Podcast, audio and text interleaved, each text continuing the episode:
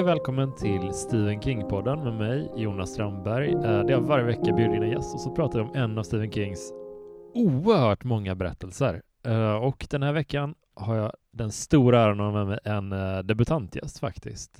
Min fina kompis, tillika skräckfilmsfantast Robin Grubbström. Välkommen hit. Tackar. Hur är läget med dig? Det är bra.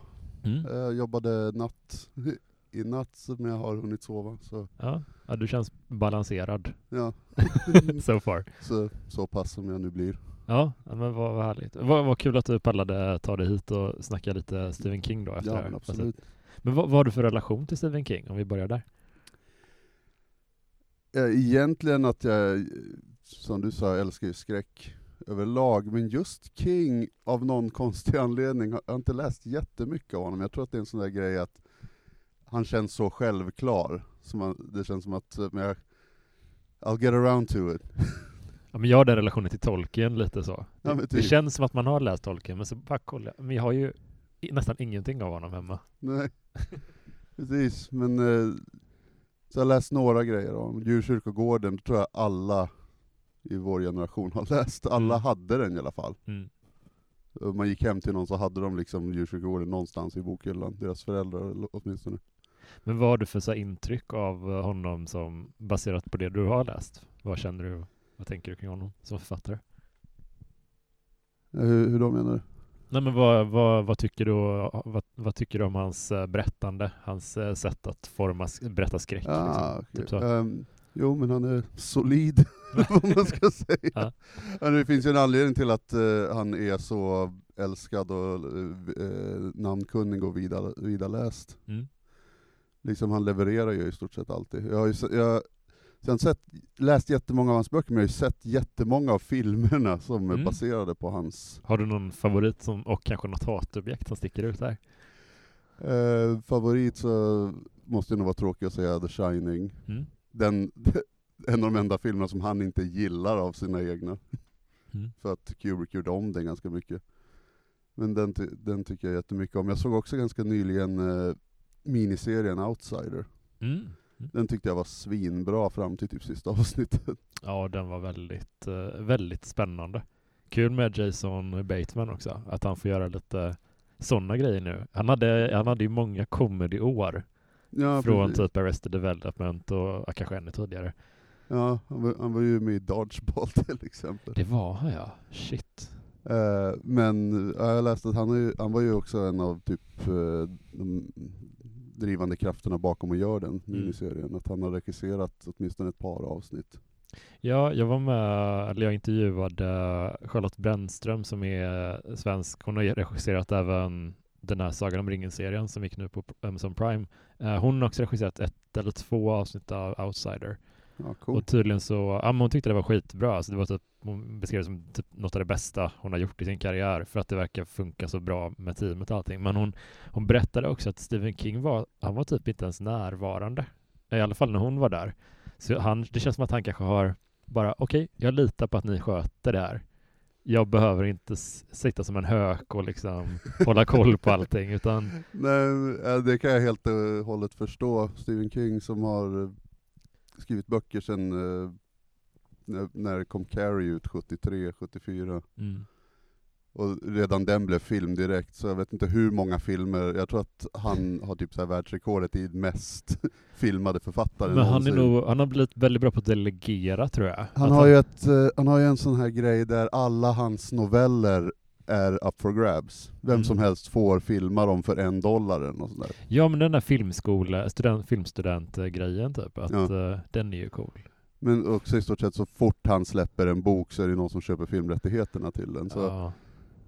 så för liksom dig och mig var Outsider en jävligt bra miniserie, för Stephen King var liksom, okej, okay, ja. projekt nummer 127 i år.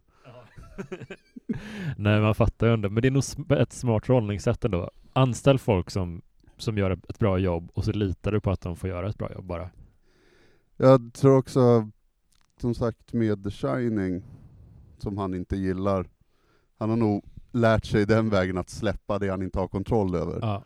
Att liksom, ja men boken är min, serien är, eller filmen är er grej. Det känns som att ha den här, vad heter det, Serenity prayer, den här uh, ge mig kraft att uh, ja men vad heter det där, mod att förstå skillnaden, vad är, ja, du vet den där gamla bönen. Uh, acceptera det jag inte kan förändra. Eller Just sånt där. det, precis. Det känns som att han har den ovanför sin, på sitt kontor. Ja, det, det passar ju med tanke på hans missbruksproblematik. Verkligen. På tal om det, vi ska ju prata om uh, en väldigt, väldigt speciell roman, frågetecken, idag. Ja. Uh, Varulvens år, eller Cycle of the Werewolf. Mm. Och vi kommer, om man är förstagslyssnare på den här podden, vi kommer snacka lite löst om den, ganska spoilerfritt i början, men ganska kort, för det är en väldigt kort roman. Så, Ja. Alltså så himla kort är den. Man blir chock. Du sa ju precis innan vi började banda att vad konstigt att det här är en Stephen King. Ja, Att han kan skriva så här kort. ja, men typ. Men, Vad men var den? 124 sidor och med bilder. ja, jättemycket bilder. men men eh, vi kommer prata spoilerfritt en liten stund och sen kommer vi säga nu börjar vi spoila så att om man tänkt läsa den här eh, så kan man bryta då typ. Men eh, vi vill vara lite inbjudande också, inte för kräva att alla ska läsa. Men den är väldigt kort att läsa också, så om man är nyfiken på den efter vårt lilla initiala snack så är den verkligen, du tar den på typ någon timme liksom. Det går Ja. fort att läsa. Men eh, vad är det för typ av bok, Robin? Vill du liksom berätta lite kort om den? Ehm, det är en, som du sa, väldigt kort bok. En, som titeln antyder, en varulvshistoria. Ganska basic varulvshistoria. Det, det jag tyckte var ganska coolt med den är ju att eh, varje kapitel är döpt efter en månad, och varje kapitel är bara för en varulv förvandlas ju en gång i månaden beroende på hur månen, på fullmånen. Mm. Så varje kapitel är liksom en av attackerna, var, varje fullmåne i varje månad, därför den heter Cycle of the Werewolf. Så liksom varje kapitel, de flesta väldigt korta, typ så tre sidor kanske, Ja. beskriver en varulvsattack, så det är nästan som små berättelser i berättelsen, men så finns det också återkommande karaktärer. Just det. Jag tyckte det var ganska spännande grepp initialt. Jag, jag försökte göra lite slapp research om bakgrunden till den här boken. Jag förstod det som att det var någon typ av, det skulle bli någon sorts kalender eller något sånt där tror jag i början. Jaha. Att det skulle vara en sån typ av berättelse. Så att det- den är ju, vad ska man säga, den känns ju som en av hans längre noveller skulle jag säga. Ja, Att den är väldigt, det är ett ganska smalt karaktärsgalleri. Liksom. Det finns inte sådär jättemånga personer som faktiskt får utvecklas. nej. Det kanske, ska säga, typ tre eller fyra karaktärer som verkligen får ta lite plats. Men det, det knäppa med den är, som jag reagerade på var att det, det dröjer fram till kanske juli, skulle jag säga, innan man får en faktisk huvudperson typ. Om Ja, man bortser från varulven då som är det är ett eh, mysterium som löper under hela boken också. Vem är varulven? ja, Vem av de här invånarna i stan är det som... Attackerna sker bara i en liten ort som heter Tarkers Mill. För övrigt grannort till Chesters Mill som är platsen där Under the Dome utspelar sig. ja okej. Så de är typ grannorter. Jag försökte hitta en sån karta över äh, Stephen Kings Maine. Det hade varit lite nice att om någon vet en sån snygg så hade det varit kul att ha hemma faktiskt. Eh, man vill få en bild av var ligger de här orterna till förhåll- i förhållande till varandra. Eh, ja, han säger, för mig att han skriver någonstans att de är ganska nära Bangor. Ja, okej. Ja, Och det är ju faktiskt en, Just det, en det riktig ort, jag tror det är där Stephen King faktiskt bor. Just det, just det. Ja, men den... ehm, men jag skulle säga att jag tyckte att den var lite, eller väldigt repetitiv första halvan av boken. Alltså januari till juni, det var bara samma, samma, samma nästan hela tiden. Det var lite små ledtrådar ibland när de började hinta om att någon, eh, en butiksinnehavare eller en restaurangägare Ja. ser varulven för, förvandlas framför sig och känner igen personen som blir varulv. Ja, Så då, då, då är det ändå som att okej, nu, nu börjar vi lite komma in i storyn, men det är först där som, innan dess är det bara, de bara dödar. ja det, som sagt, det är lösryckta små, små historier. och man får liksom, Och knappt historier, det är egentligen bara någorlunda prosaiska beskrivningar av varulvsattacker. ja, exakt, det är så himla spartanskt och man får inte, alltså det dröjer verkligen till halva boken ungefär innan man får veta innan man får känna att det här påverkar samhället på något sätt. För det, det kan ju vara en, eh, som Twin Peaks till exempel, där är ju, det är ju ett mord bara i början. Ja. Som sen, och sen får man följa hur det påverkar hela samhället och det är det som är hela eh, den seriens charm nästan, eller en stor del av det. Att hur Ja, alltså reagerar det ett är en samhälle? mordgåta som utvecklas till en såpopera. Ja, alltså, men här är det som att det bara en person dör nästa månad, en annan person dör nästa månad. Alltså man får Ja. inte känslan av hur den här skräcken Han kring... fyller ju inte verkligen ut, eh, som du sa, ett persongalleri av något slag. Nej, det... det Man eh, får inte riktigt en känsla av hur den här stan är annat än att den är any, any, any town USA. Ja. Läste du den på, för jag läste den svenska översättningen den här gången. Det är inte allt, jag brukar sällan göra det, men läste du också den svenska eller Nej. engelska? Den engelska. Ja, för jag försöker liksom så här, när man har läst en översättning, de kan skifta så himla mycket i kvalitet. Eh, Jo. det finns eh, killen som översatte till exempel Fairy Tale, han har översatt också jättemånga andra Stephen King-grejer. Eh, John Henry Holmberg heter han. Han är en fantastisk översättare tycker jag. Han är verkligen jättebra på det. Men det finns också många som är ja men sådär bara. Som, de, de, de använder konstiga ordval, det blir en konstig rytm i språket när de tar sig an Stephen King. Den här tyckte jag var liksom språkligt kanske inte jätteproblematisk, men det kändes inte så mycket som en Stephen King-berättelse om jag ska vara ärlig. Alltså fram till Ja men fram till att varulven avslöjas skulle jag säga, så känns det inte sådär jättemycket som en Stephen King-berättelse. Va, vad tänker du kring det?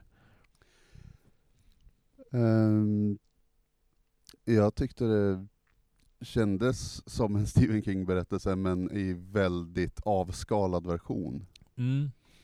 Eh, som vi redan har hamrat in vid det här laget. Den är väldigt kort, den här boken, men Ja. eh, tickar egentligen de flesta lådor i Stephen King-bingot. ja men småstad, ett yttre hot. Småstad, eh, jag vet inte om vi går in på spoiler territory, men eh, en ö, något överdrivet religiös karaktär, Mm. Eh, barn i fara, Mm. Alltså företagsamma barn i fara. företagsamma barn i fara. Men vi kan, vi kan ju spoila nu känner jag, för att eh, om, man- om man vill läsa den här boken, den är Alltså jag, jag tvekar typ kring att rekommendera den för att del, å, å ena sidan så känner det känns lite som att du är inne på samma spår. Den är inte våldsamt engagerande. Liksom. Nej. Den, är, den är väldigt sparsmakad och väldigt tunn berättelse. Men den är också väldigt kort, så det, det, det tar ju ingenting av ens tid att läsa Nej, den. Så att, precis, utan det är mer som, vill, vill du läsa den, go ahead. ja, det, ja men precis. kommer inte slösa särskilt mycket tid på det åtminstone. Men eh, jag måste faktiskt tacka eh, en lyssnare som, som gav mig en väldigt fin utgåva den här boken. Eh, så det, det är jag väldigt, även om vi är lite roastiga kring, kring den nu så, eh, så vill jag ändå tacka Kathleen Tornestedt eh, som skickar den här boken helt gratis till mig. Så att eh, jag är ledsen att vi inte älskar den. Men tack för, för den är, det är en väldigt fin eh, Vi älskar gesten. Ja, jätte, jättefint och det är en väldigt fin bok tycker jag. Den är visuellt väldigt det är en throwback till de här alltså, sagoböckerna nästan så här, lite tycker jag, hur den ser ut. Och Ja men typ. den, är, den är brutalt rå. Det finns till exempel en, okej, spoiler från och med nu då. Det, det, det finns en scen där eh, en grisbonde blir utsatt för varulven, eller hans grisar blir det. Han kommer ut till stian och ser hade du också den illustrationen där på Ja. Alltså det var, jag tyckte det var riktigt så här, för stilen är lite så här cartoony, lite sagoboksaktig, men så är det massa döda djur där, och jag känner bara så här riktigt, jag blir så jävla illa till mods av de illustrationerna.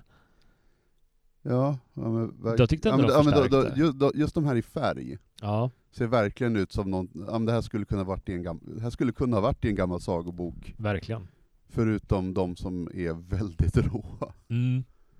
Några är väldigt snygga, eller de, flä, de, flesta av dem är väldigt snygga, men några är, som du sa, man är verkligen såhär, oh shit.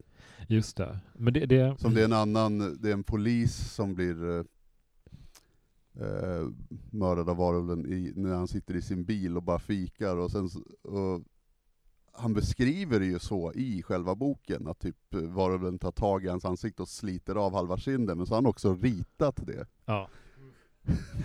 ja, det är så rått ändå. Alltså, det, det finns en grej som jag känner är när man, för att så här, paradoxalt nog, liksom, för berättelsen tar ju typ fart lite när man får reda på vem som är varulven. Samtidigt så känner jag typ att sättet det avslöjas på är lite så här, det är mest för att huvudpersonen, eh, eller liksom en, en, en uh, rullstolsburen kille som är typ, heter Marty någonting. Uh, Kosla. Just det. Uh, han, han är liksom så här, han kommer på vem det är av ja. en anledning. Men vi får inte möjlighet att lista ut det med lite droppade ledtrådar, utan det är liksom bara pang, här är, här är den som är varulven. Nej, samtidigt, det är inte svårt att lista ut vem det är, eftersom det finns typ fyra personer i boken. Nej. Och det finns, ett av kapitlerna är ju, eh, ja, nu har vi redan sagt att vi spoilar, men det är prästen. Just det, precis. Den galna religiösa fanatikern. Just det, det är typ i april, maj eller någonting. Ja, i april, maj, när han har en, va, eh, en, eh, en mardröm. Just det att han, eh, tror att han eh, predikar eller någonting. Mm. Och helt plötsligt så börjar hela för församlingen förvandlas till varulvar. Och Just sen det. när han vaknar upp så har typ kyrkoherden blivit mördad av varulven. Just det. Jag tyckte kanske att, där, om man ska vara helt ärlig så reagerade förstås på det, men jag tror inte att jag tog det att, att han var varulven där, prästen.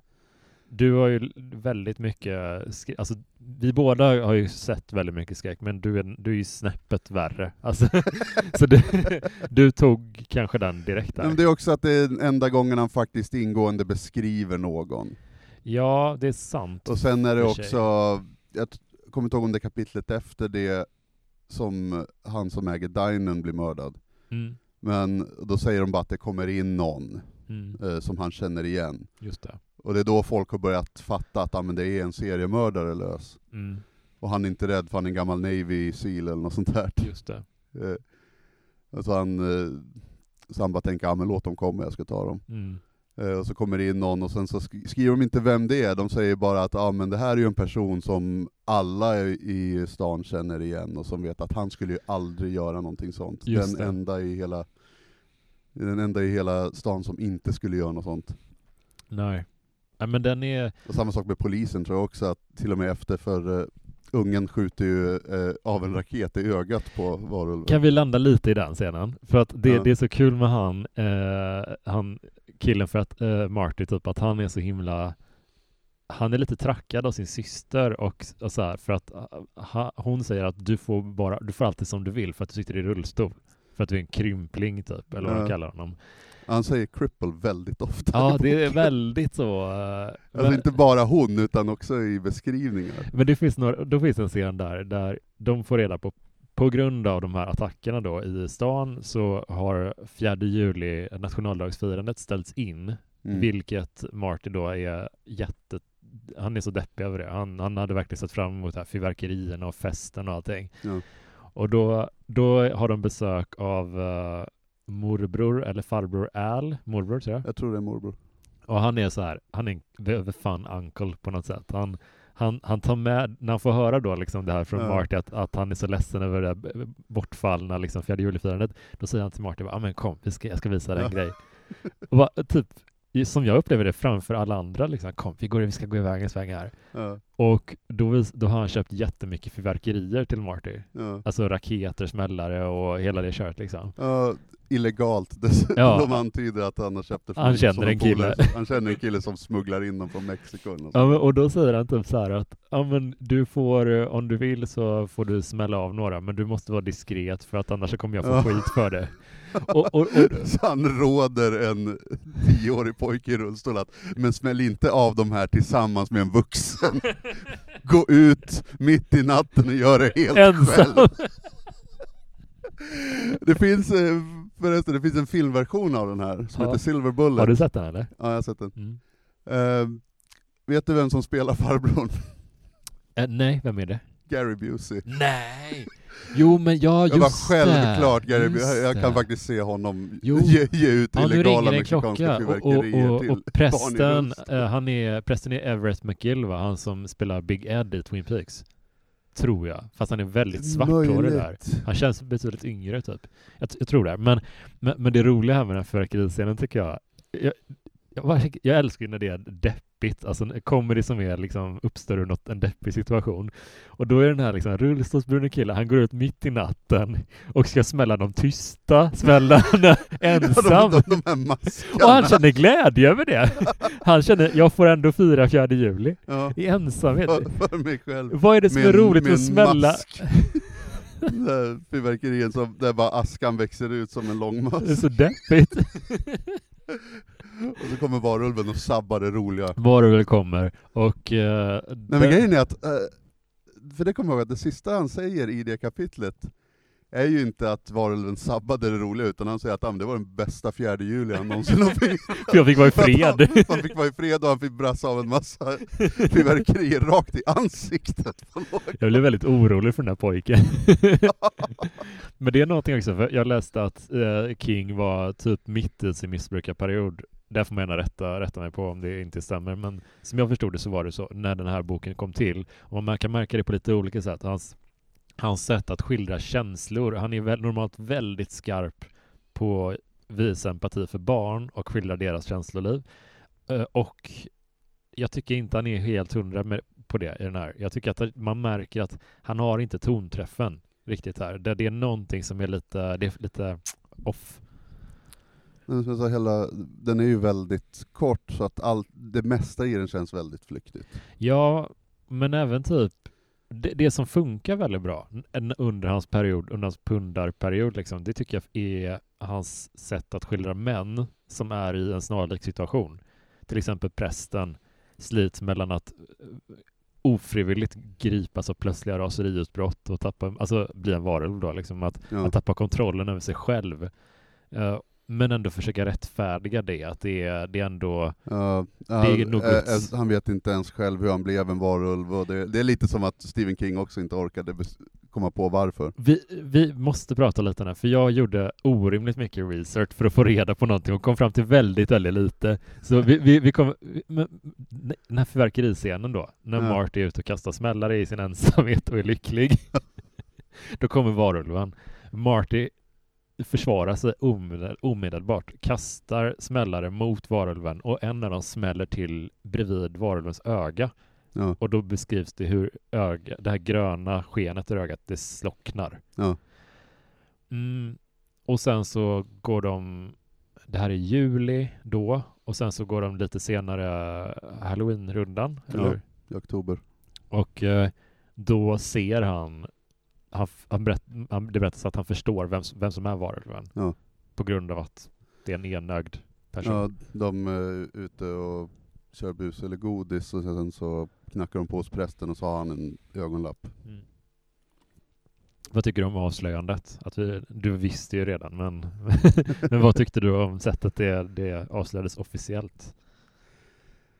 Eh, ja, det är väl lika bra som något annat egentligen. Det jag tyckte var lite kul är hur eh, King rättfärdigar att det, tog, eh, det ändå tog dem typ två, tre månader att räkna ut det. Mm. Att, eh, hur, hur visste han inte att prästen bara har ett öga helt plötsligt? Mm. Och så, så säger han bara lite i förbifarten att ah, men han är katolik så han går inte i samma kyrka. Mm, mm. Ja, just det. Petade han in lite grann bara. Att, bara här är ett plotthål, bara tätar till ja. det med lite fogmassa. lite fogmassa, där. Håller. Men eh, okej, okay. vi, vi hoppar lite här, men jag känner att det kan få okej. Okay. Jag, jag tänker att eh, vi touchade lite på hur prästen blir varulv. Det, det, handlar inte som det nästan alltid gör annars, att han blir riven eller biten av en annan varulv. För det säger han till exempel äh, faktiskt rakt ut att så var det inte. Jag har inte blivit attackerad av en varulv. Det är inte ja. därför jag är i den här situationen. Jag vet inte vad det beror på, säger han, men jag misstänker att när jag skulle plocka blommor vid gravplatsen här uppe på kullen. Mm, som man gör. Ja, så ruttnade de, eller de dog innan jag placerade dem ja. i eh, glaset typ. Och jag bara, jag satt och, satt och funderade så mycket, finns det någon varulvsmytologi som bygger på att man, man blir varulv när man har plockat någon växt eller någon planta? Eller, jag har inte hittat någonting om det. Jag känner mig som en Nej, dålig alltså... Giles i Buffy. Han sitter och slår där. Liksom. Hittar ingenting. Typ, men, eh, Nej, jag fattar inte heller riktigt. Jag, jag gillar ändå varulvshistorier väldigt mycket, men, men jag har Ja. aldrig kommit över det heller. Jag har också sett så här, folk som försöker dissekera vart kommer den myten ifrån och Ja, allt sånt där. Och det har ju vuxit fram, det, det som vi ser som varulvshistorier idag, mm. kommer egentligen från en film från 1935. okej. Så, så pass sent. Vad är det för... Eh, A Werewolf in London. Jaha, okej. Och då var det att det första filmen som man kommer ihåg eller vet idag använde sig av de liksom eh, myterna, myten om varulven som, som vi känner den idag, att ja, men det har med fullmånen att göra, man eh, blir biten, det kan ha varit tidigare att man, man får det genom ett bett, men jag tror att det var den första, och att eh, de inte blir en varg, utan de blir en blandning av en man och en varg. Just det. Och sen den här kända eh, The Wolfman, det var den första tror jag, där de sa att men uh, varulvar eh, är allergiska mot silver eller något sånt där. Som sen smittade av sig på vampyrmyten också. Rätt sent. Jag tyckte, jag tyckte inte om när det blev, så. Det, det kom... Nej, första gången jag såg det var i Blade. Ja, jag de tycker inte att de, alls... de gillar inte silver. Nej, men vad, ja, precis. Det är som att de har snott och bara mashar. Det blir rörigt bara. ja. Det är en helt annan Alltså, Det håller till fakta. ja snälla.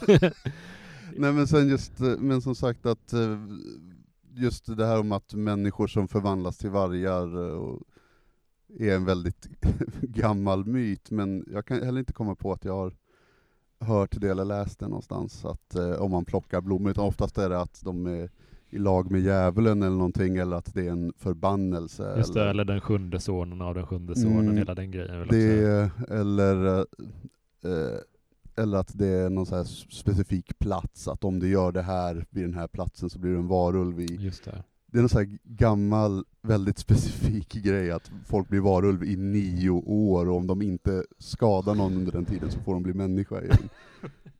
Det låter som en Törnrosa ja, men, typ, men det finns i, i olika kulturer, typ så här, romarna hade något sånt, grekerna hade något sånt.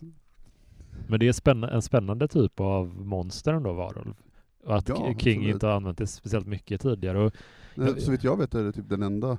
ja, jag tror också det. Han, Han är... har ju, han har ju olika med så här shapeshifters. Mm, mm. Det, som jag skulle säga är mi- mitt hatobjekt är sleepwalkers. Ja. Den är eh, värdelös, Mm. verkligen. Men de är ju typ kattvarulvar eller någonting. Mm. Slash vampyrer. Ja. Men eh, den enda så här gedigna varulvshistorien han har skrivit, så vet jag väl. De känns så grova på något sätt. Eh, att det är ett sånt tydligt monster som inte är speciellt diskret av sig heller. Nej, Men det, det, men, jag, jag gillar, men jag gillar eh, varulven också eh, som monster för att det är ganska unikt på det sättet att eh, i en varulvshistoria kan hjälten och skurken vara samma person. Mm, just det. Just eh, efter det här att ja, men det är folk som förvandlas eh, på grund av eh, fullmånen, Mm. oftast motvilligt. Mm. Så det har Stephen King absolut inte gjort i den här boken, men det, det liksom ger upphov till, liksom någon, till en djupare mening av det. Liksom, vad det representerar varulven. Är det Just det. en, liksom en mörk sida av människan, eller bara en annan sida av människan? Eller... Men jag tycker typ att det, vi, vi har varit lite taskiga mot den här berättelsen, men om man ska plocka fram några grejer som jag tycker funkar spontant så tycker jag ändå att mysteriet, ungefär halvvägs in i och för sig, men mysteriet har ändå en viss charm. Man är ändå så här lite, vad ska hända? Han försöker, när, när till exempel befolkningens män börjar liksom gå ut med jaktgevär och hundar för att hålla liksom koll på kunna skjuta varulven om man dyker upp. Ja, Då försöker ändå eh, prästen hålla sig lite, han, han åker iväg till Portland tror jag han säger. just det, och, eh, och dödar en man då som visar sig vara från Tarkers mill Ja. ändå. det blir nästan så här. Men Men, det, det, men, eh, och så är det han, eh, en annan Stephen King-trope, den, eh, den våldsamma maken. just det. Att det är också, han är en av fyra karaktärer i boken. Ja. Nej men det, det, det, är någonting, jag, jag vet inte, det är svårt att säga om det beror på författarens slarv eller om det är medvetet medvetna val, men jag tycker det finns två grejer som sticker ut väldigt bra med den här boken. Ena är mysteriet kring hans ursprung som varulv, tycker jag är jättespännande. Vi vet ju inte om King själv har en tydlig plan. Jag misstänker att han inte har det. Jag tror att anledningen anledningen till att han inte tog in att jag blev biten av en varulv själv och nu är jag det, det är att då hade de fått handskas berättelsen med en till varulv som var tvungen att plockas ut ur leken för att annars har ju inte hotet besegrats. Och det blir lite ja. mycket för en sån berättelse, så jag tror att de isolerade det lite till... Till just den här stan. Ja, och det är någonting spännande med att det, det, det finns någon mystisk blomma eller planta eller något som du inte får röra. Och att ja. Jag tolkar det som att han fick det som ett straff. Du ska inte plocka de här, du ska inte plocka blommor på en gravplats. Ja, du blir, du blir dömd. Precis, och han börjar liksom man bara ja. rationalisera det som du sa, att ja, men, eh, om det, det, var en kyrkogård och jag är a man of God, mm. säger han i boken, så att det, det kanske är att Gud vill det här. Just det. Han har ju ett intressant förhållningssätt när han är människa också, kring sitt varulvsskap. Alltså ja. hur han... Det är för, för han rationaliserar det så, samtidigt som man är lite, eh, vet du det, kluven inför att nej, jag skadar ju faktiskt folk, men de kanske förtjänade det. Och alla gör Och sen ju så erkänner saker. han ju faktiskt för sig själv, plus det känns rätt bra. Just det. Och, och, det är ändå ett intressant sätt att man får följa hans eh, gradvisa förändring inför en fullmåne och efter en fullmåne. Han berättar lite hur han känner och hur han är. Ja, det är ju det, det kapitlet när han går omkring och försöker eh, rationalisera för sig själv, och sen så skriver han någonting i stil med att eh, helt plötsligt märkte han att eh, typ, hans skägg hade växt ut fast han hade rakat sig i morse, och att han plötsligt mådde så fruktansvärt bra. Ja, så på det sättet, så egentligen kanske King har petat in det, att nej men det blir ju lite av en metafor kanske för eh, missbruk. Mm. Jag, att jag vet inte var det kommer ifrån, varför det drabbar just mig. Mm. Eh, jag vet att det inte är bra, men det känns ju så jävla bra. Ja, men precis. Jag tycker han... Ja, men den har ändå någonting den här berättelsen, för det är kul att se King behandla ett så, klassisk, uh, monster, ett så klassiskt monster som varulven, på ja. samma sätt som det vi kommer inte toucha på det jättemycket, men vampyrmyten hanterar han på ett rätt intressant sätt också i typ Salem slott och sådär. Men ja. jag hade velat se en roman, en riktig roman med den här berättelsen. Där, där, där folk hade, det hade funnits ett, liksom ett liv på, i, på stan. Man hade fått liksom bygga upp vardagen innan. Nu sker liksom attacken av berättelsens struktur så sker den liksom direkt, väldigt, väldigt tidigt i början. Ja. Man får liksom inte lära känna någon, man får inte lära känna, hur funkar Man får lära känna folk lite, men sen dör Väldigt lite, och, det, man lär sig... De flesta man lär, lär känna dör i slutet Ja men det, av det är typ såhär, sex kapitel i rad, där, där de följer den strukturen, och det känns som att King själv lite efter det, fan jag, det här är inte ett kul sätt att berätta berättelsen, jag måste ju ha en mm. huvudperson, så det händer då, men det händer också halvvägs in i boken. Det är lite för sent. Ja. Jag tycker inte det är ett Det, det är något kapitel att... de hintar om, han, han målar upp i förbifarten liksom vad det här är för stad. Ja, exakt. Att något sånt här händer i den här staden samt, samtidigt som eh, den och den personen gör sig så, eller en liten pojke i rullstol sitter och tittar på TV. Eller, ja. Och sen så, så men, som att han teasar, det här, det här är karaktär som dyker upp senare. Men alltså jag tycker det finns det kanske bara är jag som läser in det är liksom en egen tolkning, men jag, jag, känner ändå någonstans när jag läser Kings böcker från hans missbrukarperiod, eller väldigt nära där, att det är en elakare King, lite. Det, det är en lite, han är lite han bryr sig inte lika mycket om människorna typ, på något sätt. Det är något, och då gör inte vi som läser det som ett resultat, typ. i alla fall jag. Men jag vet inte riktigt. Det kanske bara är att man vet om eller har hört rykten om det och där lägger på det filtret. Men jag tycker det är någonting, det, de är inte lika skarpa när han är när han knarkar och super liksom. Uh, ja, du tänk, tänkte du på det liksom? Om, du har inte läst jättemycket King i övrigt mm. sa du, men uh, la du märke till det, det i den här berättelsen på något sätt? Nej, det var, var ingenting jag aktivt tänkte på när jag läste. Jag tror inte jag Utan jag läste den Ganska Ba- cleant bara. Den bara klint som en historia, så att den satte mig nog inte in jättemycket i vad tänkte King när han skrev det här. Nej. det, är, det är svårt. Men den är, det, det är en mysig liten berättelse på ett sätt också för att det, det, det är en, en, en liten varulvssaga typ bara. Ja, Och den är inte så komplicerad. Vilket är både till dess för och nackdel liksom. Vi, vi bryr oss inte om Ja. offren ärligt talat. Det hade varit bättre, eh, om man ska vara lite konstruktiv med det, hur den hade kunnat bli bättre som roman. Om den hade fått vara typ så här 300-400 sidor istället. Bygg upp ganska länge innan första eh, offret, eller låt ett offer ske typ i en prolog. Och sen så är vi bara i byn ganska länge. I typ 100 sidor nästan. Vi får lära känna alla deras liv. De har kärleksproblem, eh, jobbproblem. Och sen så börjar helvetet braka lös. När vi bryr oss om folk. ja jag hade jättegärna läst en eh, Stephen King-roman som, som en varulvshistoria som var lite mer som Salem's Lot. Ja, gud vad spännande det hade varit. Det, det, hade, det tror jag han skulle kunna gjort skitbra. Men det är också coolt, för då han hade kunnat göra det annorlunda på, då, på det sättet att varulven dödar sina offer, eh, smittar inte dem på samma sätt som det sker i Sailor. Det blir en annorlunda berättelse på samma gång. Ja. Samtidigt som man använder den approachen till det. Ja, fan vad det hade varit grymt alltså. Precis. Jag tänker också att det, något som hade kunnat gjort den här boken bättre Mm. är om man hade hållit sig till det temat att nej men varje månad är en fristående berättelse.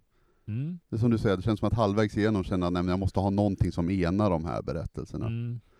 Det skulle han tänkt på mycket tidigare i så Eh, fall. för, för det är också att de typ tre första, tre, fyra första eh, kapitlerna känns väldigt olika i ton. Ja, håller med. Eh, och det hade funkat, som sagt, om han hade liksom fokuserat på offren, vilket han, vilket han gör i stort sett, Mm. mer än varulven. Att Mm. varulven är inte jätteviktig. Jag tror, han, jag tror han har en, en riktigt bra varulvsroman i sig fortfarande. Jag tror att vi kommer kanske få se det. Liksom, en, alltså en riktig klassisk eh, en monsterroman bara helt enkelt.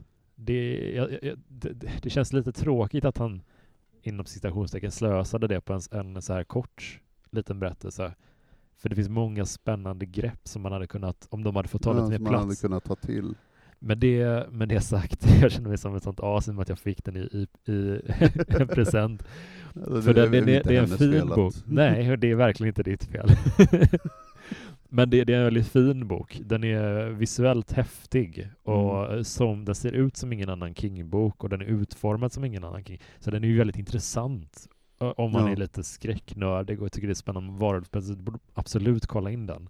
För den, det, är, det är ett jättespännande upplägg på den. Det är bara det att det hade kunnat slipas till ganska ordentligt på sina ställen. Ja, Mm, verkligen. Som, som jag sa, han kunde ha hållit sig till antingen, nej men det är fristående berättelser, Mm. bara att det är samma by, eller sådär, gjort en lång roman av det. Just det. Han, istället är det liksom en historia som skiftar grovt i ton från Ja. kapitel till Ja, den är så kapitel. hoppig. Och så är det ju som sagt bara en natt. Exakt. Det Va- känns- varje kapitel är en natt, så däremellan är det en månad där det inte händer någonting. Alltså de knappt berättar vad som har hänt däremellan. Exakt, det är som att man startar om efter varje kapitel hela tiden som läsare och inte... Men, men om du, du hade sett uh, Silver Bullet, sa du? Ja. Jag har sett den för ett tag sedan och såg om kanske en liten bit ganska nyligen. Vad... Ja, de, de har ju skippat helt det här med att det utspelar sig över ett år, utan det är Mm. no- några månader tror jag. Det är, det är runt den 4 juli. Just det. Vad, vad, vad minns du från filmen? Liksom? Hur, hur minns du den? Väldigt 80-talig. jag, vet liksom, jag vet inte varför, men det är, det är också många äldre Stephen King-berättelser, känns som att de fattar, de vet inte riktigt vem det här vänder sig åt. Mm. Att de försöker göra det typ barnvänligt, Ja. men det är ändå ganska hemskt. Ja, för att i det jag minns som att Marty i eh, film, i Silver Bullet-filmen, att han är, han är lite av ett as. Han mobbar ju sin syrra till exempel jättemycket. Han är med och mobbar henne tillsammans med sina kompisar. Ja. Det är ju det är intressant på så sätt att han sitter i rullstol och inte blir ett offer, utan han är ju faktiskt typ lite förövaren i den situationen. Han är ju mobbaren. Eh, Mm. Men det känns också märkligt att man ska typ hålla på honom då. Ja. Att han är ju en ganska elak unge. Eller hur? Men, och att han har den här galna farbrorn. Fast det här är ju inte, bara, inte nog med att han ger honom eh, fyrverkerier, han ger honom också en, så bland, han uppgraderar hans rullstol så att det blir mer av en moped. Just det. Så han åker runt på gatorna. Ganska fort. Ja, väldigt fort, på stora väg, landsvägar på 80-talet när folk sket fullständigt i hastighetsbegränsningen. Best uncle ever. Han bara gasar på. Ja. Men vad... de har ändå med den här scenen att han faktiskt smyger ut mitt i natten för att bränna av. Men det, det känns ändå som att, eh, nu har ju lite Twilight eh, för många år sedan nu alltså fuckat lite med den dynamiken. Men det har, i övrigt tycker jag det känns som att varulven som monster är ju rätt spännande för att vampyren och alla, alla liksom som gör den har försökt göra den lite sexig som varelse. Det är alltid en väldigt eh, eh, men en erotisk stämning. Även om de är våldsamma vampyrberättelser så är det någonting de är inte 100% djur. De är liksom djuriska, typ. Medan Ja, varulven är ju bara ett, ett, en bäst. Och det är en kul avvägning mellan de två. Ja. Jo men absolut. Har du någon här all time favorit varulvs, eh, om man ska lyfta positivt exempel? Oj. Någon Mm. film eller eh, novell eller roman eller någonting. Så bara den där, den där ska man se. Om man vill se en, en riktigt grym varulvs eh, story. Eh, Den första jag kommer att tänka på är Dog Soldiers. Oh, just det. Eh, Neil Marshalls eh, skräckfilm. De- Den är, den är väldigt bra. Vad är det som funkar så bra med varulvarna i den tycker du? Eller varulven, varulvarna? Eh, ja, delvis just det där att han, som du sa, att de är i stort sett bara djur. Man fattar att det är varulvar, att det är människor egentligen. Eh, han, använder, o- han använder dem också rätt sparsamt, man får inte se dem jättemycket. Så när man väl får se dem så blir det lite av en chock över hur liksom stora de är. Mm. Och eh, eh, som helhet tycker jag den funkar väldigt bra för eh, att det är, eh, det är ju ett eh, här, eh, förband av soldater som är ute på någon slags övning, så visar sig att ja, men, det är egentligen ett räddningsuppdrag för att det var en, en anna, ett annat band av soldater som har försvunnit. Och sen så fastnar de i den här stugan ute i, eh, ute i skogen som visar sig att det, det är den här varulvsfamiljen faktiskt bor där. Just det. Så de måste barrikera in sig, så det blir en så här, så måste de lära, så måste de arbeta tillsammans. Man ser ju i början av, fil, i fil, av filmen så är det här ett ganska dåligt förband av soldater. De samarbetar inte så värst väl, det är en av dem som knappt vill vara med typ. Eh, och så stöter de på det här, eh, den här varusfamiljen, den här, eh, vad säger man, flocken, Mm. som verkligen arbetar tillsammans. Och det, och det liksom stärker dem. Men jag, jag tycker det är en väldigt eh, snygg eh, kontrast. Ja. ja, men den, den vill jag se om fan. Det var länge sedan jag såg den. Så, Så den tycker jag är väldigt bra. Det finns en ganska ny som heter eh, The Wolf of Snow Hollow. okej. Som Den har jag är en, en ganska underlig blandning som ändå funkar av en typ så här indie-film som är blandning av svart komedi och skräckfilm. Mm. Att det Fan, är den liksom någon, någon skidort där eh, eh, ett turistande par blir attackerade och, och först tror de att det är en varg. Mm. Och så eh, Jim Cummings heter han, han har spelat huvudrollen och han har gjort filmen. Han är liksom sheriffen som har, eh, han är nykter alkoholist, han har anger issues, hans eh, pappa som var den förra sheriffen är döende men är liksom totalt förnekar det. Så han har redan mycket att tänka på. Och så, Och så det här. och så det här, var, vargattacker, och sen så börjar han mer och mer ifrågasätta, tänk om det faktiskt är en varulv? Mm. Liksom alla vet att de finns inte, men tänk om det är det. Mm. Fan vad nice. Ja, det är... Så ni hör, det går att göra bra varulvsskildringar också. Eh, men har du några closing words om, om den här lilla mikroromanen då? Som vi har ändå snöat in på rätt hårt idag. Varulvens år. varulv. Har vi glömt Åh. någonting? Vad, vad, har du några liksom, vem, vem borde läsa den här? Vem ska ta till sig Det är den? faktiskt lite den? det jag tänkte på när jag läste den. Så här, vem exakt är den här boken vänd till? Ja, ja. Som jag sa, den, den skiftar grovt i ton. Alltså, plus att den är illustrerad, så det känns som att det här ska vara mer till, kanske inte barn, men unga vuxna. Mm. Men sen så blir den så här jättevuxen emellanåt. ja ja den är tonmässigt fullständigt förvirrad, verkligen, känner jag. Ja, så här, för, första kapitlet är liksom, det, det är nästan äventyrligt, för det är liksom en, jag tror det är någon som jobbar på, eh, åt järnvägen eller något sånt där, som är ute i en stuga eh, mitt i januari. Så, så han beskriver det, som sagt, nästan äventyrligt, att ja, men det är snöstorm och de är fast där, bla bla bla. Och sen så redan i februari så, är det, så kommer en jättesorglig historia. Mm. Ja, just det. Med hon kvinnan som bor själv. Ja, Ja. ja fan, den var, den var jobbig. Men den eh, punkterade de snabbt också. Eller liksom den storyn. Den, den, Ja, men det, är sådär, det är som en liten eh, eh, kort berättelse i sig. Det, den tyckte jag var ett av de bästa kapitlen. ja, den var skitbra. Om man bara dömer dem efter, om man dömer dem som små Ja, där brydde man sig ju verkligen om henne. eh, på den lilla Ja, delen. och eh, gillade, eh, som sagt, han, han hade ett så flödande språk med återkommande strofer så, som inte eh, dök upp någon annanstans i boken för att det här Mm. var liksom hennes berättelse. Mm. Så att som den, om man bara ser den som en enhetlig liten kort berättelse, var det typ det, det, det bästa i hela boken tycker jag. Ja, men det är, han är väldigt bra på... eh, vi pratade lite om det i avsnittet om Tommyknockers. Att han är väldigt, väldigt bra på att gestalta kvinnor som har det skit. Liksom. Det, det, det är en av hans t- liksom, starka sidor verkligen, King som författare. Även liksom, alltså, den här hattiga berättelsen som inte liksom har fått en struktur än, då kastar han in liksom en, en, ett jättefint kvinnoporträtt som man verkligen, fuck det där, där blev, brydde man sig verkligen om henne. Ja. Så, så bra är han på det. det att, att han kan, till och med här så minns vi den scenen. Liksom. Ja, precis, och det är också en av de enda som inte bara slutar med och sen kom varulven och rev skallen av utan Exakt. Det, det, är mycket, det är mycket mer finkänsligt skrivet, här, nästan bitterljuvt. Jag hade velat läsa mer om henne känner jag faktiskt. Att jag Ja, tyckte ja, men det är det var- jag säger, hade det här varit en, eh, som vi har sagt, hade det här varit en längre roman som Salem Mm. slott så hade man lärt känna henne. Ja, Så hade man kanske mer förstått.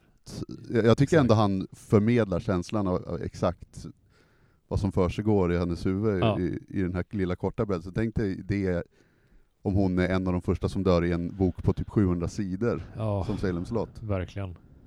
Uff, Så det är en, lite av en missed opportunity den här boken. ja, alltså ett, ett kul experiment känner jag, men Ja. Det verkligen. är kanske just det han tänkte, att varulven som ändå är så, som sagt, som gammal myt.